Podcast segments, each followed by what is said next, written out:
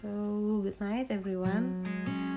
First, mm, yang pengen aku bagikan buat kita pada malam hari ini, aku ambil dari Jeremiah 8 verse 4.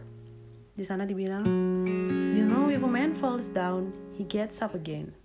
And if a man goes the wrong way, he turns around and comes back. Ya, kita semua pernah jatuh, kita semua pernah ke jalan yang salah, but Jesus said, God said, we will comes back and we will get up again. Kita bakalan bangkit lagi. Thank you.